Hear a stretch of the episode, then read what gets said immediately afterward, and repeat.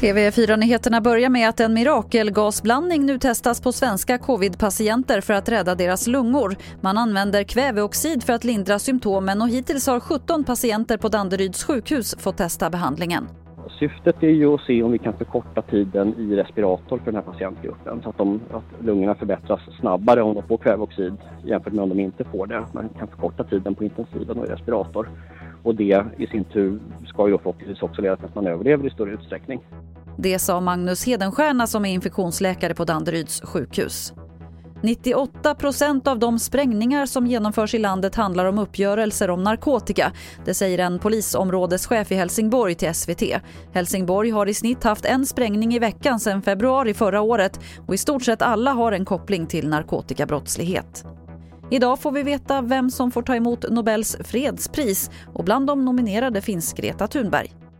You all come to us young people for hope. How dare you? Och Tysklands förbundskansler Angela Merkel, WHO och Reportrar utan gränser nämns också som favoriter. Klockan 11 får vi veta om man kan följa prisutdelningen på TV4. Det var det senaste från TV4 Nyheterna. Jag heter Lotta Wall.